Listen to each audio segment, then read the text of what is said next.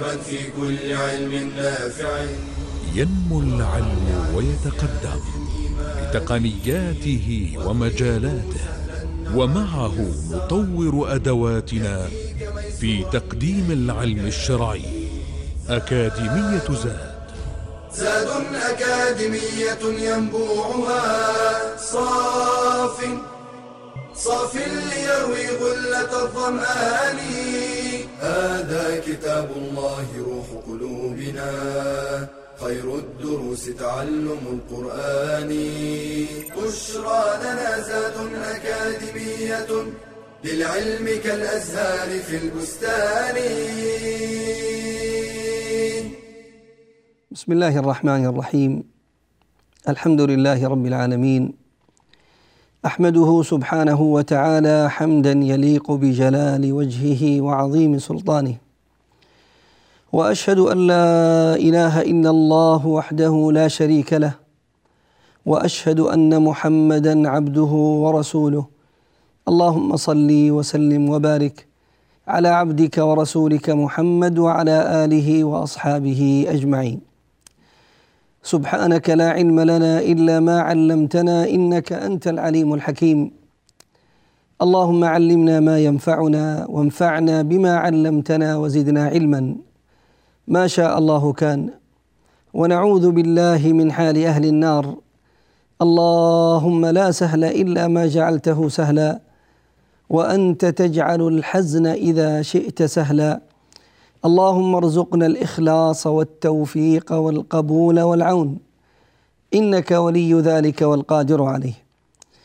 ثم أما بعد أيها الأحبة الكرام فالسلام عليكم ورحمة الله وبركاته.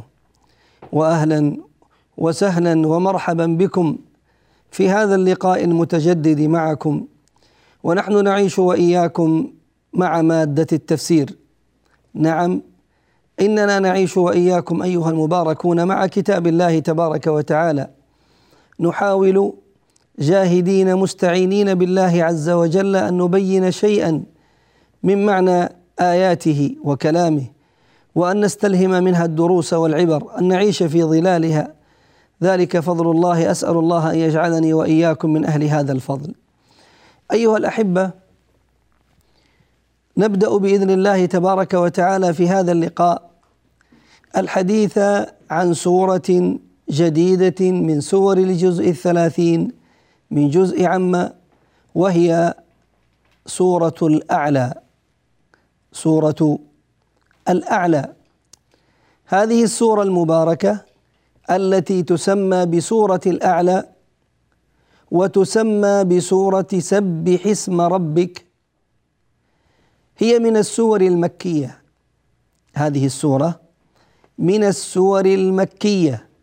وأعني بذلك أنها نزلت قبل هجرة النبي صلى الله عليه وسلم إلى المدينة.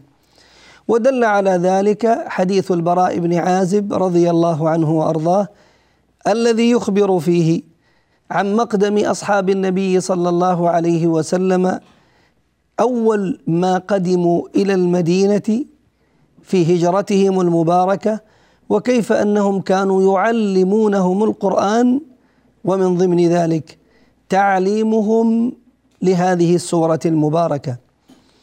هذه السورة المكية أيها الأحبة الكرام عدد آياتها تسع عشرة آية. عدد آياتها تسع عشرة آية. وأما كلماتها فاثنان وسبعون كلمة. وأما حروفها فهو مئتان وواحد وتسعين. وهذا العد كما اعتدنا ذكره في أول كل سورة هو عد الإمام الثعالبي رحمه الله ورحم الله علماء المسلمين. هذه السورة أيها الأحبة الكرام من السورة التي كان يحبها عليه الصلاة والسلام ويحب أن يقرأ بها في صلاته وأرشد عليه الصلاة والسلام غيره إلى قراءتها صلى الله عليه وآله وصحبه وسلم. فأما كونه عليه الصلاة والسلام كان يحب هذه السورة فدل على ذلك حديث علي رضي الله عنه وأرضاه وهو أثر موقوف على علي رضي الله عنه وأرضاه يخبر فيه أن النبي صلى الله عليه وسلم كان يحب هذه السورة. وحبه عليه الصلاة والسلام لهذه السورة لما فيه من من تعريفه تبارك وتعالى لنا عن نفسه فيها ففيها من تعريف الله عز وجل لخلقه وفيها من ذكر ذاته تبارك وتعالى وذكر مننه عز وجل على خلقه. فكان لذلك يحبها صلى الله عليه وسلم. ومن حبه عليه الصلاة والسلام لها أنه كما ورد في الأحاديث الصحيحة كان يقرأ بها في صلاة الجمعة مع سورة الغاشية وكان عليه الصلاة والسلام يقرأ بها أيضا في صلاة الوتر فإذا صلى عليه الصلاة والسلام الوتر في الثلاث الأخيرة منها قرأ عليه الصلاة والسلام في الركعة الأولى منها بسورة الأعلى ثم بسورة الكافرون ثم ختم ذلك بسورة الإخلاص. صلى الله عليه وآله وصحبه وسلم. بل وكان أيضا عليه الصلاة والسلام يقرأ بها في صلاة العيد مع سورة الغاشية. يقرأ عليه الصلاة والسلام بسوره الأعلى في صلاة العيد. بل وأمر عليه الصلاة والسلام كما ذكرنا غيره من الصحابة بقراءتها كما في حديث معاذ بن جبل رضي الله عنه وأرضاه لما صلى بقومه وقد كان يصلي مع النبي صلى الله عليه وسلم ثم ينصرف إلى قومه فيصلي بهم. يصلي اولا العشاء الآخرة مع النبي عليه الصلاة والسلام فريضة ثم يعود فيصلي بقومه له نافلة ولهم فريضة. فكان رضي الله عنه وأرضاه ربما أطال أحيانا فقرأ بالبقرة وبآل عمران في صلاة العشاء فاشتكاه أحد قومه إلى النبي صلى الله عليه وسلم فاستدعاه وشدد عليه الصلاة والسلام عليه في المقال حتى قال له أفتان أنت يا معاذ؟ هلا قرأت بسبح اسم ربك الأعلى؟ هلا قرأت بسبح اسم ربك الأعلى وبالشمس وضحاها وغيرها من تلك السور التي تعتبر من يعني متوسط متوسط المفصل الذي في كتاب الله تبارك وعز وجل. الشاهد أنه عليه الصلاة والسلام أمر غيره أن يقرأ بها. بل إنه عليه الصلاة والسلام كان يتأول هذه السورة فيعمل بها صلى الله عليه وسلم في صلاته ويأمر أصحابه ليس فقط أن يقرأوها بل أن يتأولوها عاملين بها. وذلك كما ثبت في الحديث الصحيح أنه عليه الصلاة والسلام كان يأمر أصحابه أن يجعلوا هذه السورة أعني التسبيح الذي ذكر في أولها سبح اسم ربك الأعلى أن يجعلوها في سجودهم. فكان عليه الصلاة والسلام هو إذا سجد قرأ في سجوده أو ذكر الله في سجوده بقوله سبحان ربي الأعلى سبحان ربي الأعلى. وكان يأمر أصحابه رضي الله عنهم بذلك فإذا سجدوا قالوا في سجودهم سبحان ربي الأعلى وربما زادوا وبحمده وزاد هو صلى الله عليه وآله وصحبه وسلم كذلك. كل هذا أيها المباركون يبين لنا شيئا من فضل هذه السورة المباركة ويبين لنا شيئا من أهميتها ومكانتها ومنزلتها سواء في التشريع أو عند الحبيب صلى الله عليه وآله وصحبه وسلم وللحديث بقية بمشيئة الله تبارك وتعالى. بشرى لنا زاد أكاديمية للعلم كالأزهار في البستان.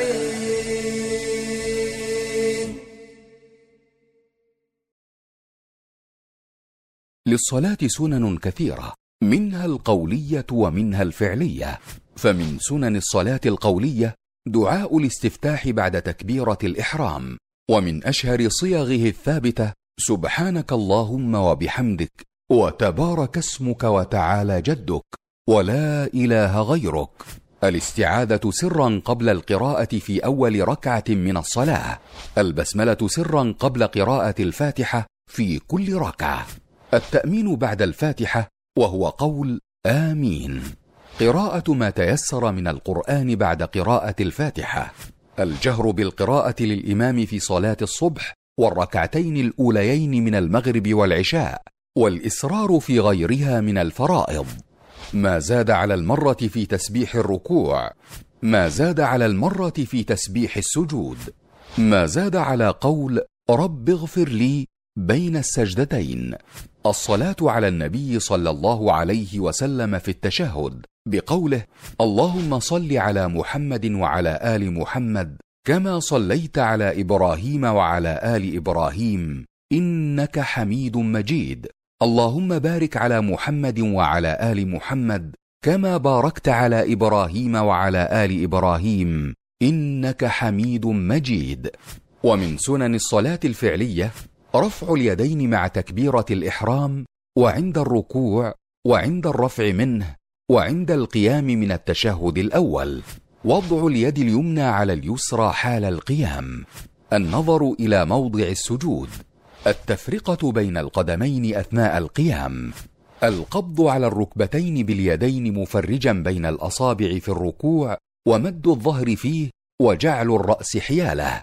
نشر أصابع اليدين مضمومة للقبلة عند السجود وتفريق الركبتين ورفع البطن عن الفخذين والفخذين عن الساقين ومجافاة العضدين عن الجنبين واستقبال القبلة بأطراف أصابع الرجلين. الافتراش في الجلوس بين السجدتين وفي التشهد الأول وهو أن ينصب قدمه اليمنى ويفترش رجله اليسرى ويجلس على باطنها. التورك في التشهد الثاني وهو أن ينصب رجله اليمنى ويخرج يسراه من جهة يمينه ويلصق وركه بالأرض. وضع اليدين على الفخذين مبسوطتين مضمومتي الأصابع بين السجدتين وفي التشهد أيضا إلا أنه يقبض من اليمنى الخنصر والبنصر ويحلق إبهامها مع الوسطى ويشير بسبابتها عند ذكر الله. الالتفات يمينا وشمالا في التسليم من الصلاة. ومن نسي شيئا من السنن التي يواظب عليها استحب له أن يسجد للسهو فإن لم يسجد فلا شيء عليه وصلاته صحيحة. فلا تبطل الصلاة بترك شيء من السنن ولو عمدا ولكن ينبغي له المحافظة عليها لقول النبي صلى الله عليه وسلم صلوا كما رأيتموني أصلي. بشرى لنا زاد أكاديمية للعلم كالأزهار في البستان. حياكم الله أيها الأحبة. أهلا وسهلا ومرحبا بكم. عدنا إليكم بعد هذا الفاصل الذي بينا قبله مقدمة سريعة عن هذه السورة المباركة فذكرنا أنها من السور المكية ذكرنا فيه عدد آياتها وكلماتها وحروفها ثم تحدثنا عن شيء من فضائلها ومكانتها واهتمام النبي صلى الله عليه وآله وصحبه وسلم بها. وها نحن بفضل الله تعالى نشرع الآن في بيان شيء من معاني هذه السورة العظيمة. يقول الله تبارك وعز وجل في مقدم هذه السورة: سبح اسم ربك الأعلى. الله عز وجل ابتدأ هذه السورة بالأمر أمر من؟ أمر النبي صلى الله عليه وسلم بهذا التسبيح وهو لأمته عليه الصلاة والسلام أعني أن هذا الأمر وهو قول الله تبارك وتعالى سبح هو أمر للنبي صلى الله عليه وسلم لفظا ولكنه لأمته معنى كما سنبين هذا إن شاء الله في ألفاظ الخطاب المتوجهة للنبي صلى الله عليه وسلم في آخر هذه الآية. اذا يأمر الله تبارك وتعالى نبيه بماذا؟ يأمره بأن يسبح بأن يسبح اسم ربه الأعلى. سبح اسم ربك الأعلى. التسبيح أيها الأحبة الكرام هو التنزيه. التسبيح هو التنزيه. أي أن الله تبارك وعز وجل يأمر نبيه صلى الله عليه وسلم والأمر لأمته من بعده أن ينزهوا اسم الله عز وجل. ثم زاد تبارك وتعالى نفسه وصفا فقال عز وجل الأعلى سبح اسم ربك الأعلى. إذا أنت عبد الله مأمور بتنزيه الله تبارك وتعالى بتسبيح اسمه. من هو؟ الله الأعلى. الأعلى صفة لله تبارك وتعالى ومن أسمائه العلي. كما مر معنا أنه سبحانه وعز وجل وتبارك وتقدس من أسمائه العلي ومن صفاته هنا أنه تبارك وتعالى أعلى. فهو عز وجل أعلى عال في ذاته وعال تبارك وتعالى في صفاته وعال تبارك وتعالى في قدره وفي قهره. أما علوه تبارك وتعالى في ذاته فهذا مقرر عند أهل السنة والجماعة أنه تبارك وعز وجل عال أي مستو فوق عرشه الذي هو في العلو فوق السماء السابعة.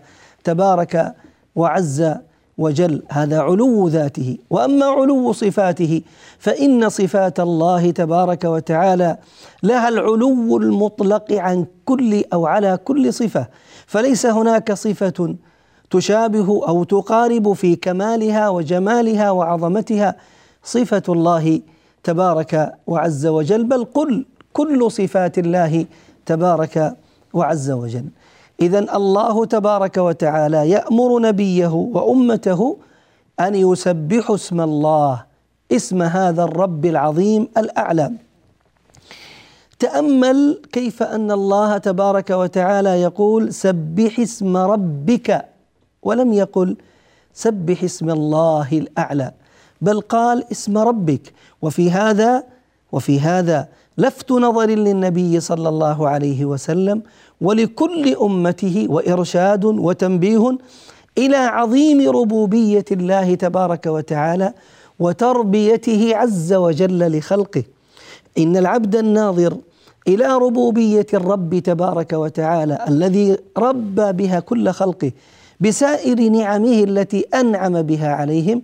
إن هذا التذكر لهذه الربوبية التي مفادها إمداد الخلق بالنعم المتتابعة يجعل العبد دائم التنزيه والتسبيح لله تبارك وتعالى. ولهذا ناسب لاحظ ناسب أن يأمر عز وجل بالتسبيح لاسم الرب فيتذكر العبد دائما اسم ربه الأعلى تبارك وتعالى. ما معنى سبح اسم ربك؟ قال بعض أهل العلم أي قل سبحان الله. أي قل سبحان الله الحمد لله لا إله إلا الله أسماء الله عز وجل التي نعرفها نزهها بذكر الله تبارك وتعالى بها. نزهها بذكر الله تبارك وتعالى بها. ولهذا تراه عليه الصلاة والسلام لما نزلت هذه السورة المباركة كان يتأول أولها هذه الآية التي معنا فيقول في سجوده سبحان ربي الأعلى. سبحان ربي الأعلى. فامتثل أمر الله تبارك وتعالى له الذي قال له سبح اسم ربك الأعلى فقال في سجوده سبحان ربي الأعلى وأمر الصحابة رضي الله عنهم وأرضاهم بذلك. وقال بعض أهل العلم سبح اسم ربك الأعلى أي سبح ذات الله عز وجل. فجاء بقوله اسم ربك جاء بالاسم هنا للدلالة والإرشاد إلى الذات إلى ذات الله أي سبح ذات الله عز وجل عن كل الذوات فليس هناك ذات تشبه ذات الله تبارك وتعالى. نزه نزه ذات الله عز وجل عما لا يليق بها. وقال بعض أهل العلم سبح اسم ربك الأعلى أي سبح الله عز وجل عموما في ذاته وفي أسمائه وفي صفاته وفي أفعاله وفي أحكامه. فسبح الله تبارك وتعالى نزهه نزهه عن كل ما لا يليق به في ذاته فليست ذات الله عز وجل عرضا ولا جوهرا بل ذات الله تبارك وتعالى هو الأول الذي ليس قبله شيء وهو الآخر الذي ليس بعده شيء وهو الظاهر الذي ليس فوقه شيء وهو الباطن الذي ليس دونه شيء تبارك وعز وجل. فسبح ذات الله عز وجل بذلك. سبح أسماء الله عز وجل فاعلم أنه ليس هناك مخلوق له اسم يختص به الخالق لا سيما لفظ الجلالة الله أو لفظ الرحمن فلا تسمي بهما غير الله تبارك وتعالى. سبح الله عز وجل في صفاته سبح الله عز وجل في صفاته فمهما اشترك المخلوق مع الخالق في الاسم في الصفة فالمعنى بعيد كل البعد. نعم الله عز وجل له يد والمخلوق له يد ولكن يد الله عز وجل ليست كيد المخلوق ويد المخلوق ليست كيد الخالق فليس كمثله شيء وهو السميع البصير. وقس على ذلك سائر صفاته تبارك وعز وجل كذلك في أفعاله كذلك في أحكامه التي حكم بها. ففي أفعاله مثلا التي يفعلها عز وجل أفعال تليق بجلاله وعظمته ولا يستطيع المخلوق مهما بلغ من قوة وعظمة ومنزلة ومكانة أن يفعل كأفعال الله. تبارك وعز تبارك وعز وجل فمن ذاك الذي يستطيع أن يخلق كخلقه تبارك وتعالى؟ وأما في أحكامه فيستيقن العبد يقينا. يستيقن العبد يقينا أن أحكام الله التي أمر بها العباد الذي ينتفع بها اولا وقبل كل شيء هو هذا العبد المسكين هو هذا العبد المخلوق هو هذا العبد الذي يحتاج كل الاحتياج إلى أحكام الله التي حكم بها وهو الذي يحكم ولا يحكم. تبارك وعز وجل. اذا قال بعض أهل العلم أن المعنى سبح اسم ربك الأعلى أي نزه الله عز وجل في ذاته في أسمائه في صفاته في أفعاله في أحكامه. ولا مانع أن يكون المراد بسبح اسم ربك الأعلى كل هذا الذي ذكرناه فهو ليس من يعني التفسير المتضاد بل هو من التفسير يعني المتقارب الذي يشد بعضه بعضا ولا شك أن هذا من جمال وروعة هذا القرآن العظيم إذ يذهب العلماء فيه كل مذهب ويأخذ كل منهم كل منهم بطرف ويذكر كل منهم كل منهم ما فتح الله عز وجل عليه وللحديث بقية إن شاء الله بعد الفاصل. بشرى لنا زاد أكاديمية للعلم كالأزهار في البستان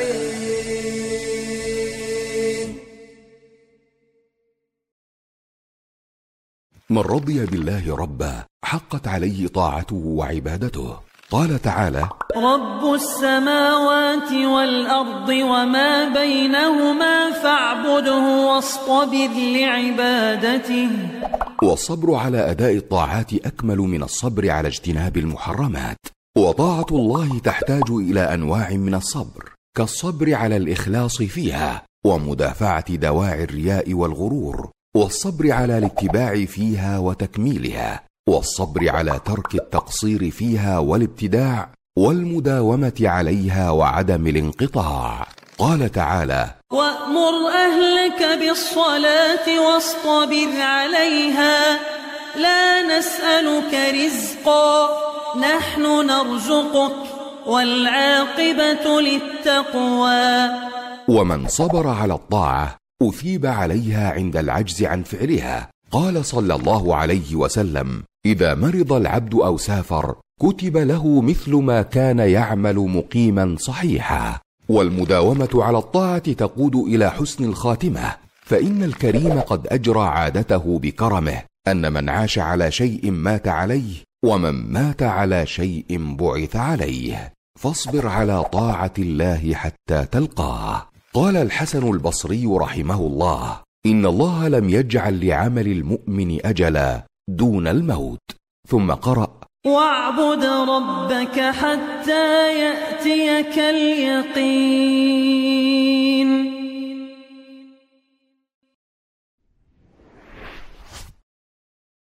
بشرى لنا زاد أكاديمية للعلم كالأزهار في البستان. حياكم الله أيها الأحبة. أهلا وسهلا ومرحبا بكم. عدنا إليكم مرة أخرى بعد الفاصل. وكان حديثنا عن هذه الآية الأولى من سورة الأعلى وهي قول الله تبارك وتعالى سبح اسم ربك الأعلى. نختم الحديث عن هذه الآية ببيان أنواع الخطاب الذي ورد في القرآن الكريم للنبي صلى الله عليه وسلم ولأمته المتأمل في القرآن الكريم. يجد إن أن خطاب الشرع لا يخلو في الغالب من واحد من ثلاثة أشياء. خطاب يطلق أو يؤمر فيه النبي صلى الله عليه وسلم خاص والمراد به النبي صلى الله عليه وسلم خاصة دون غيره فهو خاص ويراد به الخاص. مثل قول الله تبارك وتعالى ألم نشرح لك صدرك؟ هذا الخطاب خاص للنبي صلى الله عليه وسلم والمراد به النبي صلى الله عليه وسلم دون غيره من الناس. الثاني خطاب خطاب يؤمر به النبي صلى الله عليه وسلم وهو عام لجميع الأمة. يؤمر به النبي صلى الله عليه وسلم خاصة لكنه في المعنى عام لجميع الأمة كالآية التي كانت معنا قبل قليل وما زال حديثنا عنها سبح اسم ربك الأعلى سبح أي يا محمد صلى الله عليه وسلم اسم ربك الأعلى والخطاب من بعده عام لكل أمته صلوات ربي وسلامه عليه. الثالث هو الأمر بالخطاب للأمة عموما ويشمل النبي صلى الله عليه وسلم اولا ثم أمته كذلك، لكن بداية الخطاب عام لجميع الناس كقول الله تبارك وتعالى: يا أيها الذين آمنوا إذا قمتم إلى الصلاة فاغسلوا وجوهكم وأيديكم إلى المرافق إلى آخر الآية، فإن هذا الخطاب وإن كان عام لجميع الأمة لكن النبي صلى الله عليه وسلم هو المخاطب به ابتداء، اذا هذه ثلاثة أنواع من من أنواع الخطاب في هذا القرآن الكريم. ثم قال الله تبارك وتعالى في الآية الثانية لاحظ سبح اسم ربك الأعلى وكأن سائلا يسأل من هو هذا الرب الأعلى الذي أمرت بتنزيهه؟ قال عز وجل الذي خلق فسوى والذي قدر فهدى والذي أخرج المرعى. هنا في هذه الثلاث الآيات يذكر تبارك وتعالى أنواعا من مننه على خلقه. يذكر تبارك وتعالى أنواعا من مننه التي امتن بها على خلقه. أول هذه المنن تذكير من الله عز وجل بأنه الخالق الذي تبارك وتعالى صور وأوجد هذا الإنسان على غير مثال سابق. خلق هذا الإنسان. ثم مع خلقه تبارك وتعالى سواه. فأتم خلقه فكان خلقه خلقا سويا. فانظر مثلا إلى نفسك يا ابن آدم.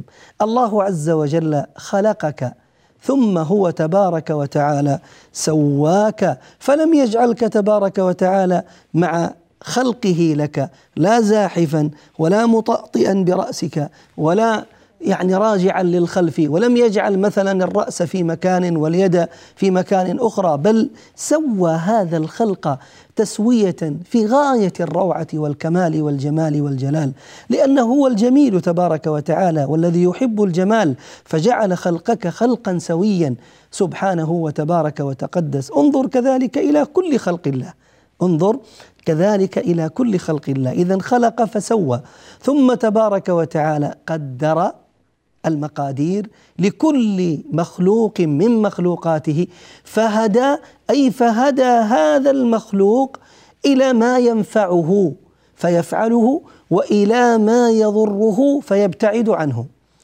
اذا خلق تبارك وتعالى. فانظر مثلا في نفسك خلق الإنسان ثم سواه فجعله مستقيما في جمال وفي روعة ثم قدر تبارك وتعالى لك مقاديرك التي ستكون في هذه الحياة من رزق من عيش من عمل من زوجة من أبناء من حركة من ذهاب من إياب. قدر كل شيء ثم هداك تبارك وتعالى أرشدك ودلك أرشدك ودلك إلى ما فيه مصلحتك إلى ما فيه نفعك إلى ما فيه كمالك. سبحانه وعز وجل.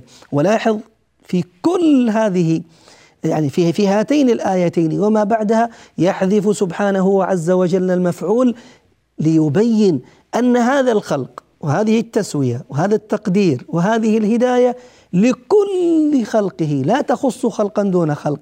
فلا تخص الإنسان دون الحيوان ولا الحيوان دون النبات ولا النبات دون الجماد بل كل ما خلقه الله تبارك وتعالى. في هذا الملكوت خلقه فسواه فقدره فهداه أرشده ودله إلى ما فيه نفعه. اذا خلق سبح اسم ربك الأعلى الذي خلق فسوى والذي قدر فهدى ثم قال بعد أن ذكر المنن المنن في في في في ذات خلق هذا المخلوق قال سبحانه وتبارك وتعالى فقدر فهدى والذي أخرج المرعى فجعله غثاء أحوى. الآن يلفت نظري ونظرك إلى ما نراه بأعيننا. يلفت سبحانه وتبارك وتقدس نظري ونظرك إلى ما نراه بأعيننا كمثال حي يدل على عظيم قدرة القدير ووحدانية هذا الموجد وهو أنه عز وجل أخرج المرعى الذي يرعى فيه هذا الحيوان ويأكل منه. من الذي أخرج هذا النبات من الأرض؟ أعطاه هذا اللون البهي أعطاه هذا الطعم المستساغ عند هذا الحيوان فأخذ يرعى فيه فكسب اكلا نقيا مرعا طيبا وهو كذلك للإنسان مرعا جميلا كلما ازدادت خضرته زاد جماله وبهاؤه وصفاؤه. من الذي صنع ذلك؟ من الذي أخرجه في الأرض الجدباء ابتداء؟ إنه الله تبارك وتعالى. اذا الذي أخرج المرعى ثم قال تبارك وتعالى فجعله غثاء أحوى. بعد أن يخرجه مرعا أخضرا جميلا يأكل منه هذا الحيوان يتغير هذا المرعى بعد فترة ليصبح غثاء يابسا. غثاء بمعنى يابسا. ثم يصبح بعد ذلك أحوى. والمراد بأحوى هنا أي متغير اللون إلى السواد ما بين أو إلى نقول ما بين السواد والخضرة. فتغير لونه مع طول المكث. لما كان اخضرا بعد هذه الخضرة وهذه النظرة الجميلة أصبح بعد ذلك يابسا. مع مرور الأيام عليه يبس هذا هذا الأخضر هذا المرعى الأخضر الجميل أصبح يابسا. ثم مع مرور الأيام عليه وتعرضه لعوامل التعرية أصبح أحوى أي متغير اللون ما بين السواد إلى الخضرة. هذا التغير لهذا الخلق يجعل الإنسان يتفكر أن الذي سبحانه وتبارك وتقدس أخرج هذا من من من العدم من الأرض الجدباء هذا المرعى. ثم غيره بعد هذه الخضرة هذا الجمال فأصبح غثاء أحوى. هو القادر أيضا تبارك وتعالى على تغيير خلق الإنسان. فقد كان الإنسان عدما فأوجده الله تبارك وتعالى في الحياة. ثم يصيره عدما ثم يعيده تبارك وتعالى أخرى. هذه المتغيرات المتكررة الذي يوجدها الذي يفعلها الذي يقوم بها هو الحق تبارك وتعالى الذي هو على كل شيء قدير. اذا فجعله غثاء أحوى سنقرئك فلا تنسى إلا ما شاء الله. إنه يعلم الجهر وما يخفى. سنقرئك يا محمد القرآن الكريم فلا تنساه. ابدا إلا ما شاء الله. هذا القرآن الكريم الذي كان يعالج منه عليه الصلاة والسلام في أول أمره شدة. ثم وفقه الله تبارك وتعالى ويسر له هذا القرآن فجمعه له جمعا مباركا فلا ينسى منه إلا ما شاء الله تبارك وتعالى أن ينسى. ومن ذلك ما شاء الله تبارك وتعالى نسخه. ففي القرآن الكريم كما مر معنا في المقدمة في علوم القرآن أن في القرآن الكريم الناسخ والمنسوخ فهناك ما نسخه الله تبارك وتعالى على اختلاف أنواع النسخ ومن ذلك قول عمر أنه كان يقرأ في القرآن الكريم الشيخ والشيخة إذا زنيا فارجموهما البتة. أين ذهبت هذه الآية؟ نسخت فهذا نوع من النسيان الذي أنساه الله عز وجل. ومن ذلك أي من هذا النسيان وهو النوع الثاني ما كان يتعرض له عليه الصلاة والسلام مثلا في صلاته من نسيان بعض أفعالها من أجل التشريع لأمته. صلوات ربي وسلامه عليه. سنقرئك فلا تنسى إلا ما شاء الله. الله إنه يعلم الجهر. وما يخفى. وللحديث إن شاء الله مع هذه الصورة بقية في اللقاء القادم. أسأل الله لي ولكم التوفيق والفلاح. والسلام عليكم ورحمة الله وبركاته. يا راغبا في كل علم نافع متطلعا لزيادة الإيمان وتريد سهلا النوال ميسرا يأتيك ميسورا بأي مكان. زاد زاد أكاديمية ينبوعها. صاف صاف ليروي غلة الظمآن. بشرى لنا بشرى لنا بشرى لنا زاد أكاديمية للعلم كالأزهار في البستان.